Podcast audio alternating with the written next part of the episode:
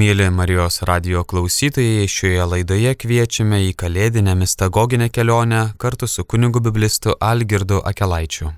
Girdėsite penktąją dalį. Iš Evangelijos pagal Luką antrojo skyriaus. Ir kai suėjo apsivalymo dienos jų, pagal įstatymą Mozės užvedė jį aukštyn į Jeruzalę pastatyti prieš viešpatį, kaip parašyta įstatymė viešpaties Kiekvienas vyriškas atveriantis iščias bus pašvestas viešpačiui ir duoti auką pagal pasakymą viešpaties įstatymę porą purplelių arba du balandžių jauniklius. Ir štai žmogus buvo Jeruzalėje, kurio vardas Simeonas. Ir žmogus šitas teisus ir dievo baimingas, laukiantis paguodos Izraelio ir dvasia šventoji buvo su juo. Ir buvo nurodyta jam dvasios šventosios, kad jis neregės mirties, iki pamatys Kristų viešpatys. Ir atėjo toje dvasioje į šventyklą. Ir įnešant gimdytojams vaikelį Jėzų, kad su juo pasielgtų pagal paprotį įstatymo, jis paėmė jį į glėbį, laimino Dievą ir sakė, nūnai atleidi vergą tavo valdovę pagal žodį tavo ramybėje, kadangi pamatė akis mano išgelbėjimą tavo, kurį paruošiai visų liaudžių akivaizdoje, šviesą atskleidimui tautoms ir šlovę liaudžiai tavo Izraeliui. Ir stebėjosi tėvas jo ir motina jo dėl to, kas kalbama apie jį. Ir palaimino juos Simeonas ir pasakė į Mariją, motiną jo, štai, šitas dedamas parpuolimui ir pakilimui gausių Izraelyje ir ženklų prieštaravimo. Ir tavo gy, pačios gyvasti pervers kalavijas, kad būtų atidengti gausių širdžių svarstymai.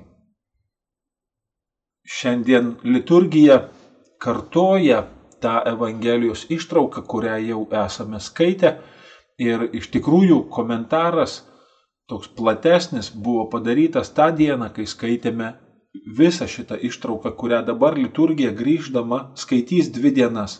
Šiandien skaito tą dalelę, kuri labiau susijusi su Simeonu, o rytoj skaitysime tą dalelę, kuri susijusi su pranaše Anna.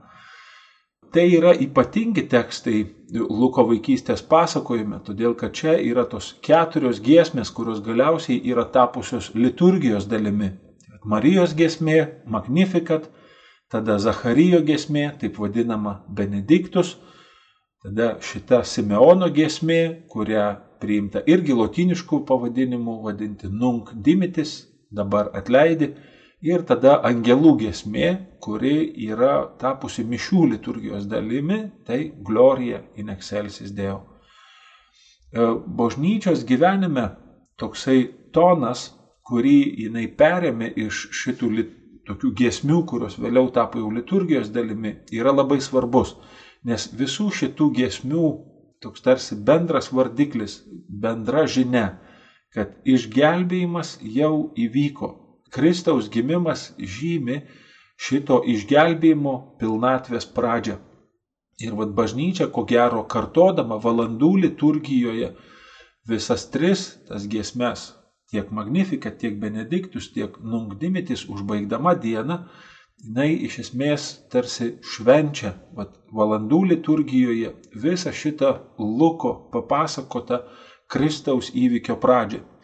Ir vėlgi Šia prasme mes suprantam, kad tiek Marijos, tiek Zacharijo, tiek angelų ar Simeono balsai tampa pačios bažnyčios balsu. Jinai tapatinasi su šita liaupse ir kartu skelbia išgelbėjimą tiems, kuriems ir skirtas šitos bažnyčios balsas.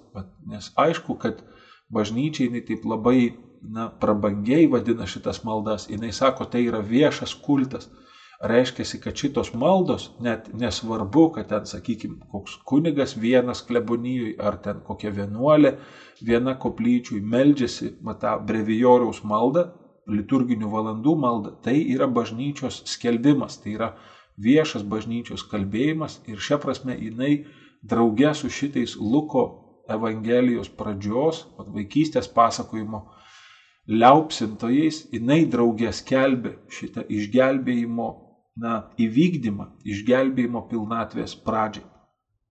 Ir šiandien, kai aš sakiau, kad mes šiek tiek mėginsim gilintis į pačią tą Simeono dalį, tai aš taip siūlyčiau jums šiek tiek pasi, na, gany, pasiganyti po Bibliją. Todėl, kad Lukas pasižymi labai ypatingų Biblijos citavimo būdu. Jisai na, turi tokį įprotį Biblijos tekstą cituoti ne taip, kaip pavyzdžiui Matas. Matas tai jisai labai akivaizdžiai, jisai duoda formuluotę, kad taip įvyko, įdant išsipildytų tas ir tas. O Luko aluzijos į Senąjį testamentą yra žymiai sunkiau atpažįstamos. Jos iš tikrųjų yra tarsi užsleptos. Ir Lukas pats labai panašu, kad jis pažįsta Senąjį testamentą, na tiesiog skersai ir išilgai. Jis tikrai žino visą šitą tekstą mintinai ir jisai toj pačioj ištraukui, kaip mes matysime, gali tiesiog suausti iš atskirų žodžių, kurie kartais būna gana reti žodžiai arba frazės Biblijoje ir Lukas jisai gali paimti keletą tokių frazių arba žodžių ir juos suausti vat, į tokią figūrą kaip Simeonas ir tarsi vat, pasakyti šitą Simeono įvykį tokiu būdu, kad tenai skaitytojui, kuris pažįsta šventą įraštą, iš tikrųjų yra tokie teologiniai fontanai, nes jisai tiek suaudžia daugybę tokių senatestamentinės tautos patirčių ir galiausiai tiek dar rodo nuorodų į bažnyčios gyvenimą apaštalų darbų knygoje, kur irgi mes tą patį žodyną užčiuopiame, kad, na, man labai patinka, Lukas yra vadinamas egzegetų tarpe angliškų tokių terminų echo chamber. Toksai reiškia tarsi aido kambarys, kuriame na, vat, yra gaudomi tie garsai ir jie tokiu ypatingu būdu persiklodami vieni su kitu jie tuo aidėjimu tarsi kuria naują melodiją, kuri viena vertus labai priklauso nuo to pirminio garso, nuo to pirminio balso ir vis dėlto savitai jau yra labai nauja. Ir, na, pamėginkime trupučiuką pereiti per šitą centrinę šiandienos Evangelijos dalį, nuo 25 eilutės, kur randame tą tokią frazę ir štai žmogus, iki Zacharyjo vat, giesmės pabaigos, šitos nungdimitis pabaigos. Šita frazė ir štai žmogus, e, graikiškai kai idu antropos, jinai yra iš tikrųjų labai reta Biblijoje. Mm, tik tris kartus graikiškoje Biblijoje jinai yra sutinkama ir ten skaičių knygoje arba Danieliaus knygoje kontekstai nėra tokie artimi šitam pasakojimui, nors Danieliaus 10 skyriaus 5 eilutė, kur šita frazė pasikartoja, kartais yra interpretuojama kristologiškai. Nors ten greičiausiai pati knyga kalba apie angelą, bet kartais yra taip interpretuojama, kad ten Danielius kalbasi su tuo Kristumi amžinybėje, kuris yra dar Kristus prieš įsikūnymą. Bet tai toksai kontekstas, kuris toliau šiek tiek nuo mūsų knygos.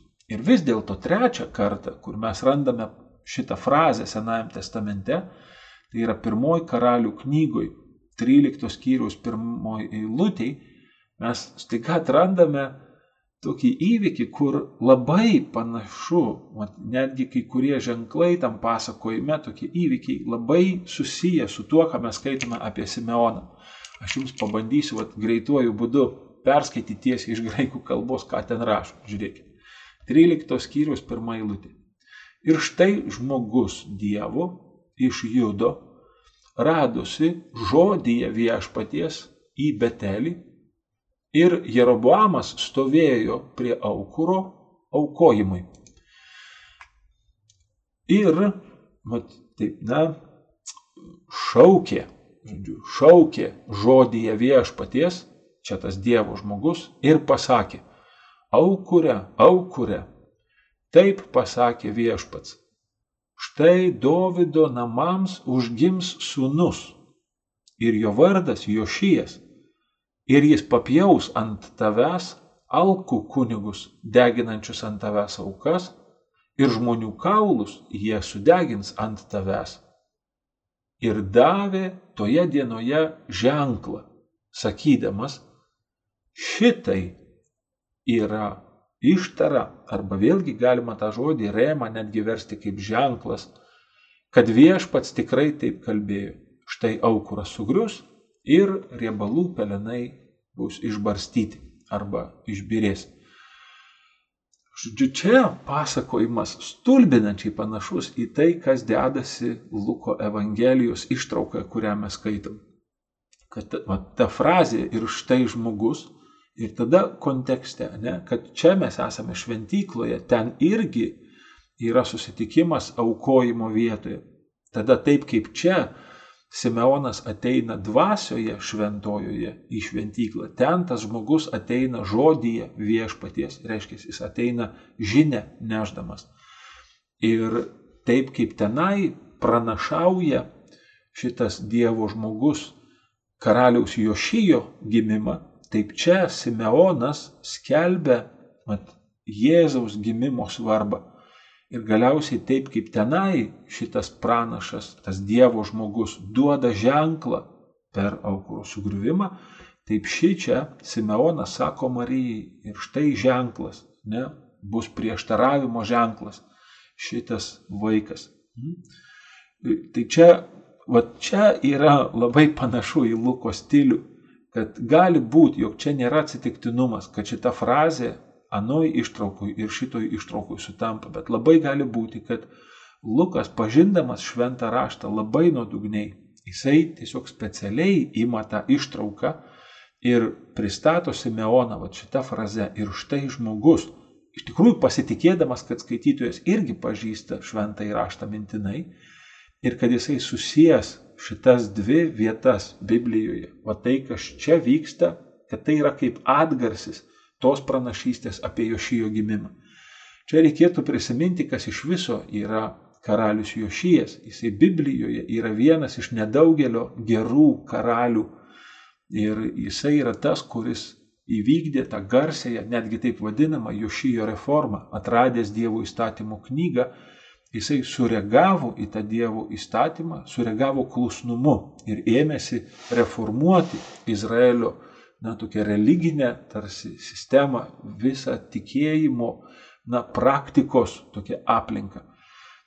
Ir čia gali būti, kad Lukas mėgina rodyti, kad štai tai, kas ten įvyko, kaip toks provaizdis e, su to teisiojo karaliaus gimimu, dabar pasiekė savo pilnatvę, nes čia atėjo tas, kuris ne tik tai Izraelio tarsi religinę sistemą reformuos, bet jisai ateina, nes jis yra pokytis apskritai žmogaus ir žmonijos santykėje su Dievu.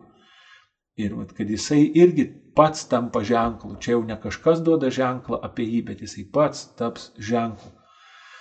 Ir vat, tokios na, sąsajos, jos padaro Luko Evangelijos tekstą gana sudėtinga interpretuotojams, nes iš tikrųjų tenka tikrinti ko ne kiekvieną žodį arba frazę arba jos dalį Ir kartu jos padaro Luko Evangelijos tekstą labai turtingą, nes tada, kai vat, žmogus perskaito ir štai žmogus, jisai prisimena, kad buvo tai, buvo tai yra įvykę ir ten gimė tas labai geras karalius, kuris vykdė Dievo valią, o čia gimsta karalius iš didžiosios raidės. Ir va šitos paralelės su Biblijos įvykiais, jos viena vertus, na, labai praturtina pačios ištraukos skaitimą. Kita vertus, Lukas tokiu būdu suaudžia daugybę Dievo tautos patirčių ir apskritai žmonijos patirčių į Kristaus įvykį, rodydamas Kristų kaip tam tikrą pilnatvę ir anų įvykių išsipildymą. Ir vėlgi, na, vat, tokia irgi labai įdomi frazė, kuri atsikartoja šitam tekste, tai vat, ta pa, Izraelio paguoda, kur ir Anna atskelbė tiems, kurie laukia Izraelio paguodos. Ir ši čia Simeonas kalba apie Izraelio paguodą. Ir galiausiai va, tas Juozapas iš Arimatėjos Luko Evangelijos pabaigoje, kuris irgi yra iš tų, kurie laukia Izraelio pagodos. Tai čia yra labai įdomus klausimas su ta Izraelio pagoda, nes vėlgi tiesioginės tokios nuorodos apie Izraelio pagodą mes šventajame rašte lyg ir nerastume. Bet jeigu pasižiūrėtumėt į Jeremijo knygos 38 skyriaus 9 eilutę, tai tenai mes randame šitos žodžius, vat, pagoda, kuri vartojama Izraelio atžvilgiu. Ir ta eilutė sako, verksme išėjo ir paguodoje užvesiu juos, leisdamas apsistoti prie vandens šaltinių, keliu tiesiu ir nepaklys jame, kadangi tapau Izraeliui tėvu ir Efraimas mano pirmgimis. Ir čia vėl, mat, paguoda šito Izraelio yra tas Dievo vedimas tuo tiesiuoju keliu. Ir čia reikėtų prisiminti, kad apaštalų darbuose pati krikščionybė, mat, kaip tikėjimo turinio atžvilgių, jinai yra vadinama keliu. Ir kad tas kelias iš tikrųjų yra pats Kristus, yra jo mokymas, bet draugė ir pats Kristus kaip asmuo. Ir va čia ta, tas vedimas paguodoje, kad Izraelis bus vedamas šitoj paguodui. Ir kadangi jis iš tikrųjų Dievas yra Izraelio tėvas ir kad yra pirmgimis Izraelis Dievui, Tai čia mes vėl matome tą Jėzaus ir Izraelio, na, tokį artumą, kad Jėzus iš tikrųjų yra tas tikrasis Izraelis. Ir tam tikrą prasme jis yra tapatus Izraeliui, kad Jėzuje Izraelis atranda savo tikrąjį santykį su Dievu. Ir vėlgi, kai mes girdime apie Izraelio paguodą, apie Dievo tautos paguodą, tai čia būtų galima skaityti visą taip vadinamą Deutero Izaijo knygą. Izaijo knygoje nuo 40 iki 55 skyrius. Tenai, vat, jinai netgi taip vadinama paguodos knyga, jinai prasideda tokiais žodžiais - guoskite, guoskite mano tautą. Tenai pranašas Izaijas arba, na, jau pranašo Izaijo turbūt mokiniai, tremties metu jie imasi vat, tautos palaikymo, na, tokios darbuotės, jie mėgina skelbti tai tautai, kuri jau yra tremty, jie mėgina skelbti, kad Dievas jų neapleido ir kad dabar jau, kai tas teismas tautai yra įvykdytas, iš tikrųjų Dievas imasi naujų būdų šitą tautą vesti jau tremties krizėje. Ir čia tikrai vadėjau Izaijo knygoje tos vat, Izraelio paguodos tokių raktų, kurie aišku irgi suausti į šitą tarsi lūkestį, vat, tiek Simeono, tiek Anos, tiek Juozapo iš Arimatėjos, tas Izraelio paguodos lūkestis, kuris galbūt ten tremties laiku buvo suprantamas kaip grįžimo iš tremties viltis, bet dabar Jėzaus laiku šita tremtis interpretuojama kur kas plačiau, ypač Jėzaus matos gelbstinčios kančios, mirties ir prisikelimo akivaizdoje. Tai tampa žymiai rimtesnio na, išvadavimo iš nuodėmės, na, tokia užuomina ir teologinė tiesiog gyja. Na va, tada yra dar labai įdomus veiksmas, kad e, netgi iš tikrųjų privengia vat, mūsų vertėjai, taip sakyčiau, tiesiogiai versti šitą veiksmą, kad Simeonas laimina Dievą. Žodžiu, vat, jisai laimino Dievą ir sakė. Tai čia yra pirmiausia, tai labai įdomu, kad na, kažkaip galima laiminti Dievą, ir iš tikrųjų vadina vertėjai, kurie taip privengia lietuvių kalbos vertėjai, jie dažnai sako ten šlovino Dievą. Na, vat, kaip dabar taip įmanoma laiminti Dievą? Tai mes kartais įsivaizduojam, kad laiminimas tai yra, na, kad kažką man duoda, tarsi tas palaiminimas.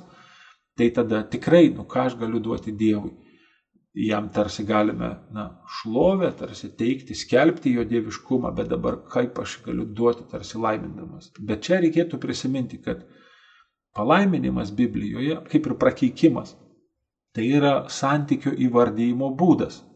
Na, va, laiminimas tai reiškia tokia raiška, kad mano santykis su tavimi yra palankus, jis yra geras, jis yra toks santykis, kokio tu nori. Ir aišku, prakeikimas tai yra santykio nutraukimas, to santykio atsižadėjimas. Ir šia prasme labai normalu yra tarsi girdėti, kad šitas žmogus, kuris visą gyvenimą atsidavęs tai Dievo tarnystėjai, kurią jisai iš Dievo suvokė ir atpažino, kad jisai išreiškia savo ryšį su Dievu, kad va, tai, kad aš tave laiminu Dieve, reiškia, kad aš ant tavęs nepykstu, aš nesu tavim nusivylęs, mano santykis su tavimi yra toks, kokiu tu Dieve nori. Jis yra va, tokiu prielankumu pažymėtas. Bet šiaip vat, laiminti Dievą nėra toks dažnas veiksmas Biblijoje. Ir ypač čia turbūt tokia reikšminga ištrauka Biblijoje, į kurią galbūt vėlgi daro tokią aluziją E, evangelistas Lukas. Tai yra pirmosios kroniko knygos 29 skyriuje. Tenai tas skyrius pasakoja tokia ištisa įvykių grandinė. Ten Dovydas ir tauta, jie ruošiasi šventyklos statyboms. Nepamirškim, kad Simeonas čia su tėvai susitinka irgi šventykloje. Mm. Žodžiu, jie aukoja, jie renk, ruošiasi rinkti aukas šventyklos statybai, kurią jau statys Saliamonas. Ir tenai, vat, tos skyriaus 29 pirmos kronikų knygos 19 eilutėj, Dovydas laimina viešpatį ir meldžiasi už Saliamoną. Jis vat, tarsi pats jau būdamas toks jau amžiuje vyras, jisai laimina tenai Dievą ir drauge meldžiasi užtardamas savo jauną sūnų. Ir čia, va, tam 29 skyriui, yra to laiminimo turinys. Ten yra va, išsakyti žodžiai to laiminimo. Tai yra labai graži malda, aš jums siūlyčiau iš tikrųjų tą skyrių atsiversti ir paskaityti. Netgi va taip sakyčiau, tada, kai yra jūsų parapijos bažnyčios statybos metinės, Tai tą maldą tomis dienomis labai dėrėtų melstis, bet tokiu dėkingumo dvasioje už tą bažnyčią, kurioje jūs turite galimybę rinktis ir melstis. Arba netgi ir dabar karantino metu, kai negalime tarsi aplankyti savo bažnyčios, tai va ta malda tokia tikrai labai gražus tekstas ir labai toks giliai teologinis tekstas. Na va, ir labai yra įdomu tai, kad pačioj Luko Evangelijoje tai yra tiesiog pasakyta, kad jis laimino Dievą ir nepasakyta kokiais žodžiais jisai Dievą laimino, o jau tik po to pasakyta va ta jo gesmė, nungdimitis, kuri ne, iš tikrųjų, ko gero, nėra to palaiminimo turinys. Ten tiesiog jis laimino ir autorius renkasi nepasakyti tų žodžių, kuriais jisai laimino. Lygiai taip pat panašiai kaip autorius pasirenka nesakyti, kokiais žodžiais Marija pasveikino Elsbietą. Tiesiog jinai pasveikino Elsbietą, Ir vos tik tas pasveikinimas pasiekė Elsbietos ausis, tai, žodžiu, prasidėjo visi įvykiai. Na va, tai čia šventikla, jinai vėl išnyra kaip tokia labai labai svarbi tema, kad va ten Dovydas jisai laimina Dievą šventiklos statybos, na, tarsi darbų pradžioj ir jisai užtarė savo jauną sūnų. O kad čia Simeonas jau atėjęs į šventyklą, jisai laimina Dievą ir meldžiasi už šitą visai dar mažą vaikelį, jį užtardamas. Ir čia labai svarbu prisiminti, kad šventikla apskritai yra labai svarbi tema tiek Luko Evangelijoje, tiek apaštalų darbuose. Čia verta tikrai internete yra ne vienas ir ne du straipsniai ir netgi tokios knygos, kurios šitas temas analizuoja. Ir mokslininkai daugiau mažiau sutarė, kad tai yra tam tikras toks, na, centrinė tikrovė, kuri labai svarbi teologiškai ir apie kurią ypatingai, pavyzdžiui, Luko Evangelijos pradžioje ir taip pat apaštalų darbų knygos pradžioje tiesiog sukasi visas pasakojimas. Viskas čia vyksta tarsi ryšyje su šventykla. Ir, na, va čia labai yra įdomu. E, čia toks labai įdomus klausimas kyla dėl e, šito pasakojimo parašymo datos. Nes jeigu, jeigu Lukas savo Evangeliją rašo tuo met, kai šventikla jau yra sugriauta? Nes ją 70 metais sugriovė. Na va, tada yra labai toks geras klausimas, ar kartais vat, šita šventyklos svarba ir ypatingai va, tai, ką mes čia atrandam, tokia šventyklos statybos tarsi užuominas, ar kartais tai nėra tokio labai pozityvaus Luko žvilgsnio į šventyklą kaip Dievo buvimo ir Dievo viešpatavimo išraiška tautoje, nes šventyklos pastatymas ir draugėtas Dievo šlovės įžengimas į šventyklą, tai yra tokia, na, tarsi regima Dievo viešpa, už viešpatavimo toje tautoje išraiška. Ir čia dar yra labai įdomu, čia jau net ne biblinis tekstas, na, bent jau katalikų bažnyčioje nepa, nepripažįsta kaip biblinio teksto, bet pavyzdžiui, stačiatikių kanonė tai yra biblinė knyga, tai yra antroji Ezros knyga. Ir tenai antrojoje Ezros knygoj, ketvirtam skyriui, pabaigoj jau tos skyrius, ten 58, 62 eilutėj, mes randam jaunąjį Zerubabelį, kuris iš tikrųjų susitikęs su imperatorium mėgina na, vat, prašyti imperatoriaus, kad būtų leista atstatyti šventyklą. Ir gavęs teigiamą atsakymą, kad bus leista tą šventyklą atsakyti, šitas jaunuolis išėjęs iš jau tų imperatoriaus palocių, jisai vėl laimina Dievą, bet jisai daro tą veiksmą, kurį mes čia randam darant Simeoną. Ar Lukas žinojo apie antrą Ezros knygą, O, čia geras klausimas. Ar iš vis ta knyga buvo parašyta Luko laiku, čia labai daug tokių svarstymų. Bet vis dėlto šiaip ar taip, na čia labai įdomu, kad tas Dievo laiminimas, jis Biblijoje yra sutinkamas va, tokių šventyklos statybos, šventyklos na, svarbos kontekste. Ir čia gali tikrai būti tokia, na, ne tai, kad Luko kažkokia tai nostalgija, bet kad jis iš tikrųjų mato tą Kristaus ir šventyklos labai aišku ryšį ir ta šventyklos teologija Evangelijoje yra labai svarbi. Ir tada vėl labai tas įdomus žodis, na, kad jis paėmė į glėbį šitą vaikelį. Vėlgi labai retas žodis Senajame testamente, tik trejata kartų vartojamas. Du kartus tai jis vartojamas tokiu, na, nu, tokių maždaug ten glebeščiavimasis, tai tokios biški glamonės yra.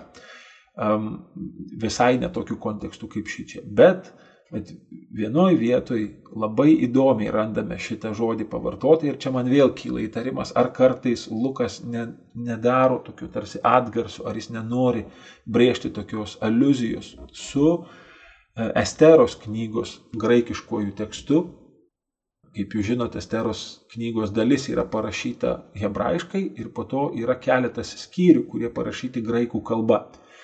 Ir vat, ketvirtajame to graikiško teksto skyriuje mes randame tokią sceną, kur pavartota šitas žodis, vad glebys. Bet čia reikėtų prisiminti kontekstą tos scenos.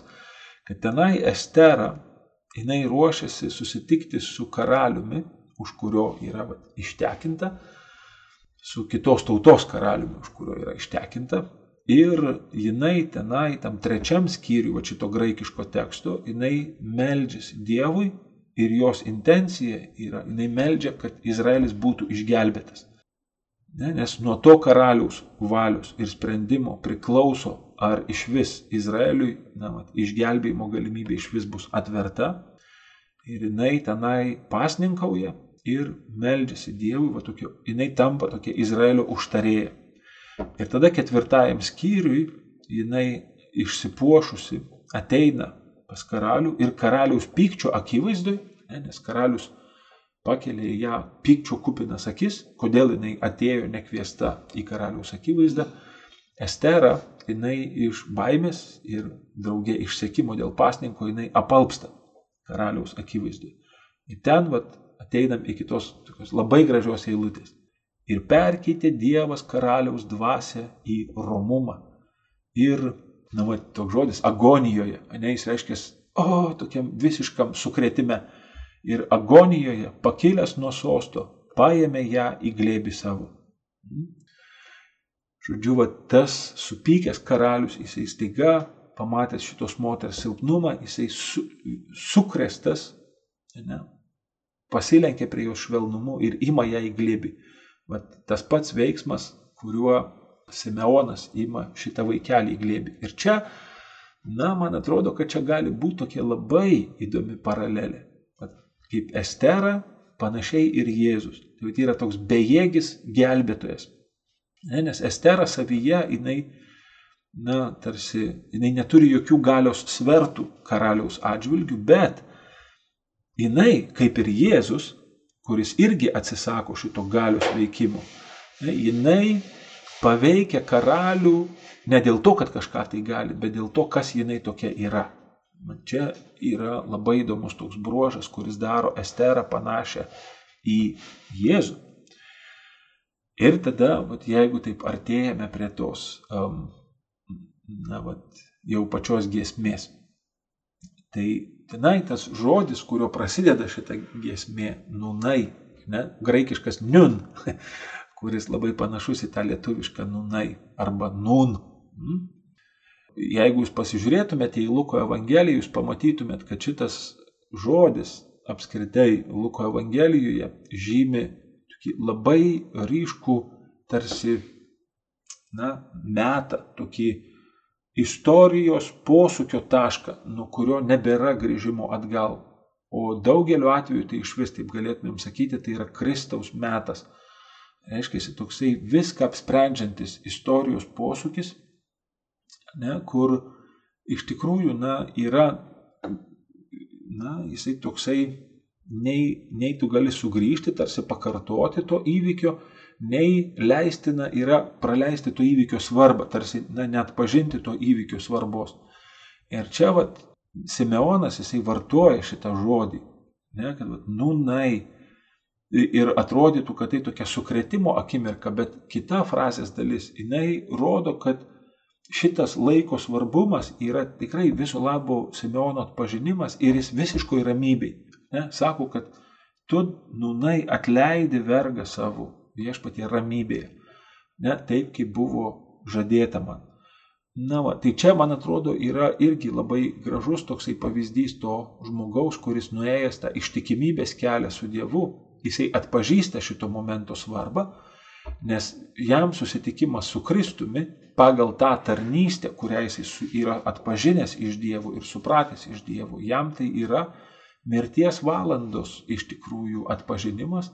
Ir tai yra žmogus, kuris labai panašu, kad jis į tą savo mirties valandą įžengia pasiruošęs. Jis įžengia į ją ramybėje ir santarvėje su Dievu. Ir tikrai, na, labai dažnai šita frazė jinai siejama su mirtimi, O bažnyčioje siejama draugė su nakties poilsiu, nes šita giesme bažnyčia užbaigia tarsi tokia dienos tarnystė ir jinai vat, žengia į nakties poilsį su šitos giesmės žodžiais.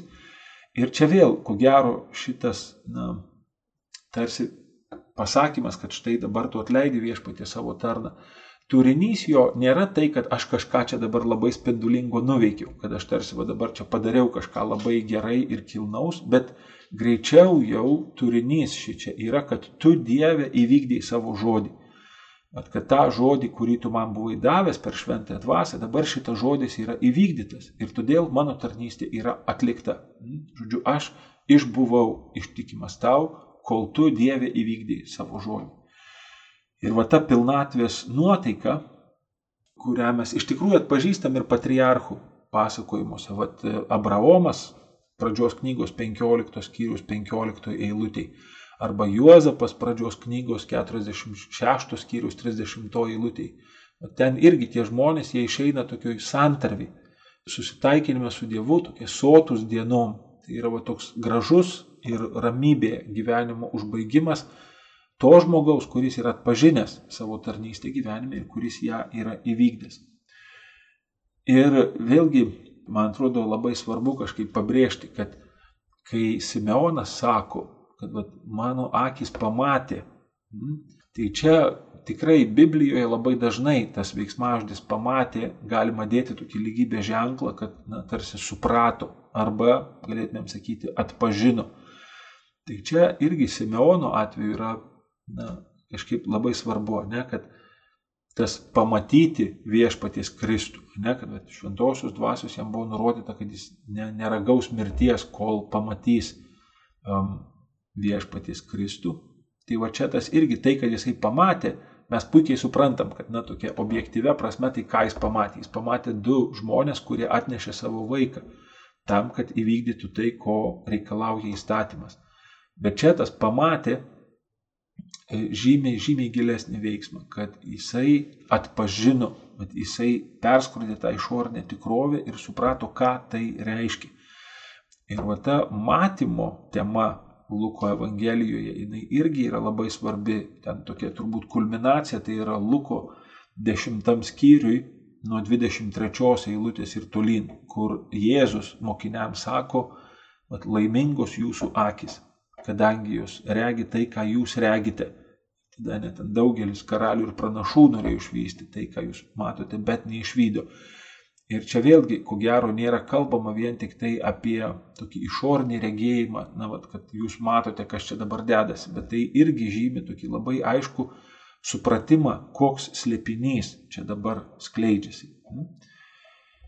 Ir galiausiai, jeigu taip, na, vat, žiūrėtumėm į antrą dalį šitos giesmės, tai čia irgi labai vat, tokia programinė ištara e, Luko Evangelijoje, kad sako čia Simeonas, ne? kadangi pamatė akis mano išgelbėjimą tavo. Tai čia vėliau tai, kas pasakoma apie šitą išgelbėjimą, yra tai, ką mes Biblijoje paprastai vadinam paralelizmu. Tai reiškia, kad tai yra tarsi dviejų dalių, na, toksai posakis, kuriame tos dalys pasakomos skirtingais žodžiais, bet tie patys dalykai. Ir va čia mes matom, kad tą išgelbėjimą Simeonas pasako tokia tarsi poetinė forma. Kas yra šitas išgelbėjimas?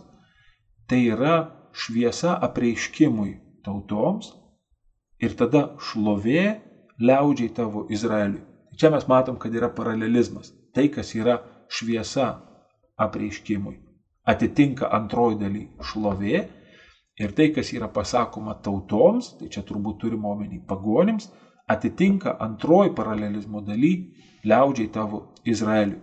Tai šitie paralelizmai, jie Biblijoje yra labai dažni, jų yra daugybė rūšių. Ir va čia mes, ko gero, randame tokį irgi labai viena vertus poetiškai labai gražų pasakymą apie na, tokią interpretaciją išgelbėjimo. Ir kita vertus tai yra tikrai tokia, na, teologiškai, tai programinė ištara, kad pasirodo Jėzus nėra vien tik tai judėjams siūstas išgelbėtojas, kad jis viena vertus yra kaip išgelbėjimas, jis yra apreiškimo šviesa pagonims ir drauge jis yra dieviškumo apreiškimas, nes šlovė tai yra Dievo dieviškumas, jis yra dieviškumo apreiškimas Dievo tautai Izraeliui.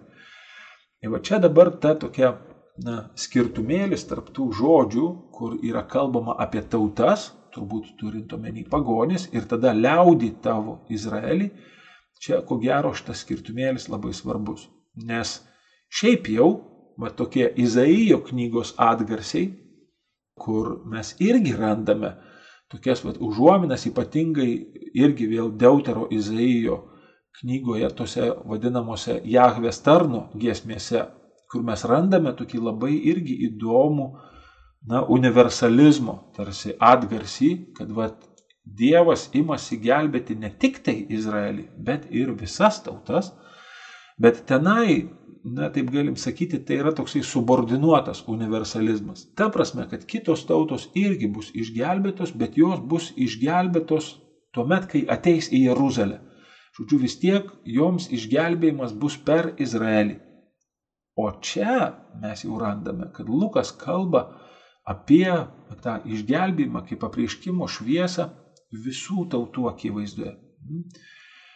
Ir čia, ko gero, na, va, tikrai tai, ką mes, sakau, Senajame testamente randam, va, tokių Zacharijo knygoje, ne, tokias pranašystės, kad Dievas sukvies į šventyklą visas tautas, ir na, tą tokį atvirumą pagonims, at, pavyzdžiui, mato Evangelijos tie magai, ne, tai yra tikrai pagonis, ne, kurie irgi dalyvauja Kristaus gimimo slėpinyje. Vis dėlto jau Luko Evangelijoje mes matome žymiai platesnį tokį užmojį, kad iš tikrųjų tiek Izraeliui, tiek tautoms, pagonims, Jėzus tai yra tokia traukianti ir kurianti Dievo šviesa, kuri yra ir apreiškimas, o drauge ir Dievo dieviškumo atskleidimas. Ir čia labai turbūt tokia svarbi ištrauka yra iš apaštalų darbų 15 skyriaus 14 eilutės, kur tenai yra sakoma, mat kalboj, kad atseit liaudį Dievas padarė iš tautų. Džiu, kad Dievas tarsi kūrė tokią naują Dievo tautą kuri jau nėra vien tik tai Izraelis, bet Izraelis yra pašauktas irgi toj naujoj Dievo tautoj dalyvauti, kurioje jau lygi dedamoji Izraeliui yra ir pagonis. Na, mat, ir čia ko gero tikrai tokia labai graži interpretacija, kuri atveda mus iki šiandienos liturgijos. Todėl, kad vat, šiandien bažnyčia skaito tam tikrų kampų šitą ištrauką, būtent ir pabrėždama vat, tą šviesos temą. Hmm, vat, Jėzus kaip šviesa Naujajam testamente tai yra tokia labai ryški, ypatingai Jono Evangelijoje, tai tokia labai ryški teologinė gyja ir šiandien pirmasis skaitinys iš Jono raštijos Tai čia irgi aš tiesiog labai siūlyčiau ir jums, kas turėsite laiko šiek tiek pasidomėti, pasigilinti, tai aš labai siūlyčiau jums per kai kuriuos tokius ryškesnius ir žymesnius tekstus Biblijoje šią dieną perbėgti. Tai pirmiausia, nuo ko reikėtų pradėti, tai nuo pirmojo sukūrimo pasakojimo. Daugelis turbūt iš jūsų jau esate atkreipę dėmesį į tą labai keistą šviesos sukūrimą pirmajam kūrimo pasakojime. Tai pradžios knygos pirmos skyriaus trečioji eilutė. Kad iš tikrųjų nėra dar nei saulės, nei menulio, nei žvaigždžių. Ir Dievas kūrė šviesą. Kas tai yra šita šviesa? Ne? Kas yra ta šviesa, kuriai nereikia saulės, kuriai nereikia menulio. Ir čia dar įdomiau, kad iš tikrųjų, jeigu jūs palygintumėte šitą šviesą su kitais kūriniais, mat, pirmam sukūrimo pasakojime, tai ten yra kai kurie tokie labai išskirtiniai bruožai šitos šviesos. Pirmiausia, tai kad jinai yra labai arti kūrenčio Dievo žodžių. Ne, tai yra ir pasakė Dievas, tebūnė šviesa, ir buvo šviesa. Niekur daugiau šitam sukūrimo pasakojime kūrinys neatsiranda taip arti kūrenčio žodžių. Ten yra pasakoma ir pasakė tebūnė, ir tada padarė, ir atskyrė, ir va tada jau buvo šitas dalykas. O šita šviesa, jinai yra labai greita, jinai yra čia pat to kūrenčio Dievo žodžių. Pasakė ir yra šviesa. Ir tada dar yra labai įdomu, kad Dievas labai konkrečiai, ten sako tekstas, ir matė jisai šviesą. Ne, jis matė tą šviesą, bet kuri atsirado. Ir vėlgi kitur šitam sukūrimo pasakojime Dievas niekur tiesiogiai nežiūri į kūrinius. Visur kitur Dievas mato, kad tai yra. O čia jisai matė tą šviesą. Tai vėlgi labai įdomu, nes šiaip jau akivaizdu, kad tai yra kitoks žvilgsnis negu žmogiškas žvilgsnis, nes mes, tiesą sakant, šviesos nematom, mes matom šviesoje. O Dievas mato šitą šviesą ir trečias skirtumas, tai kad jis mato, kad ta šviesa yra gera. Irgi nieku, apie jokį kitą kūrinį Dievas nepasako, kad šitas kūrinys yra geras. Visur yra sakoma apibendrintai, tai yra gera. Dievas matė, kad tai yra gera. O vat apie šitą šviesą, apie vienintelę šitą šviesą yra pasakyta, kad ji yra gera. Na va, ir iš to aišku, Naujajam testamente daugybė tokių kristologinių interpretacijų šitos šviesos, kur Jono Evangelijoje iš vis Jėzus sako, aš esu šviesa. Na va, tai čia su šita šviesa, vat, tuo tokiu kūriniu, nekūriniu, kurie atrodytų net nėra kūriama, nes jinai iš karto tarsi tas pats žodis ir tampa šviesa. Mhm. Ir va, ten Jono prologė, ne, kad va, Jonas Krikštytojas pats nebuvo šviesa, jis turėjo liudyti apie šviesą ir buvo tikroji šviesa. Na, va, kur po to Jėzus sako, tai aš ir esu ta šviesa, o ta tikroji. Tai čia yra labai tokie na, svarbus tekstai, į kuriuos neįmanoma na, neatsižvelgti, mėginant taip užčiuopti šitą šviesos liniją, vat, kurią šiandien liturgija mėgina šitoje Evangelijos ištraukui išryškinti. Tada vėlgi Izaijo knygoje devintam skyriui pirmoji eilutė, ta garsioji mesijinė pranašystė, ne, kad tauta, kuri tunuoja tamsybėse, išvydo skaičią šviesą. Ir va ten tas Dievo veikimas naujų būdų yra tarsi lyginamas kaip metafora išreiškiamas šviesa. Ir tada na, tenai 30 skyriui Izaijo knygos, kur Dievas irgi, ko gero, apreiškia savo dieviškumą tokiam pagodos kontekste, kuris jis sako, ten saulė žibės, ten septynis kart stipriau, ne menulis. Ko gero, tai yra irgi tokie dieviškumo, na, tarsi apreiškimo būdai, kad pats Dievas imasi išvaduoti savo tautą, imasi ją guosti. Ir tada be jokios abejonės labai svarbus tekstai tai yra vadinamosios tarno giesmės, kur ten ypač 49 skyriui, 49-6 eilutėj tas tarnas yra vadinamas tautų šviesa. Ir tikrai, na, va, su ta tarno figūra, tai čia atskira visiškai tema, na, irgi labai siūlau jums pasidomėti, kas turėsite laiko. Tai, na, va, su tokiom labai įdomiom tokiom interpretacijom, tai kas yra tas Jahvės tarnas. Kartais jisai yra interpretuojamas, kad tai yra pats pranašas, nors iš tikrųjų labai įdomu, kad pačiuose tuose tarno gesmėse yra interpretuojama šita figūra, kad sako, tu Izraeli esi mano tarnas, Ir na, Naujojo testamento tradicijoje dažnai šita tarno figūra jinai yra interpretuojama kristologiškai, kad tai yra Kristus. O šitas Jahvės tarnas jis yra Kristus. Ir tie tekstai jie labai siejami na, vat, su, su Kristaus asmeniu. Bet man atrodo, kad čia vėl ta na, tokia interpretacija jau sena testamentinė, kad vis dėlto tai yra Izraelis. Man atrodo, tai atveria tokia irgi šito tarno kaip kolektyvinės asmenybės interpretavimo galimybė, kad iš tikrųjų, o tas kenčiantis Jahvės tarnas, per kurio kančią bus išgelbėtos tautos, iš tikrųjų gali būti interpretuojamas ir kaip bažnyčia. Na, mat, ir čia vėl, man atrodo, tai mes labai taip gražiai tarsi grįžtam prie na, tokio labai svarbaus Luko Evangelijos bruožų, kad joje, šitoje Evangelijoje, šitie išoriniai veikėjai, jie tampa tokiais teologiniais liudytojais. Jie tampa pagalba skaitytojui, kad skaitytojas perprastų teologinę reikšmę, kas čia dedasi, kokia yra reikšmė šito įvykio. Tai ir čia va, tas iš tikrųjų išgelbėjimo skelbimas, na, ne tai, kad tarsi paaiškinsim čia dabar, kaip čia kas įvyks, bet, na, iš tikrųjų atpažinimas ir išgyvenimas tikėjimu šito laiko, kuriame mes, va, einame kaip tokioj slėpinio mokykloj, jisai bažnyčiui, aišku, šitas laikas yra esminis, nes tik tinkamai šitą laiką nuėjusi bažnyčia galės tapti tinkama Kristaus gyvenimo slėpinių aiškintoje ir liudyta šių dienų pasauliu. Garbė Jėzui Kristui. Mėly Marijos radio klausytojai, šioje laidoje leidomės į kalėdinę mistagoginę kelionę kartu su kunigu biblistu Algirdu Akelaičiu.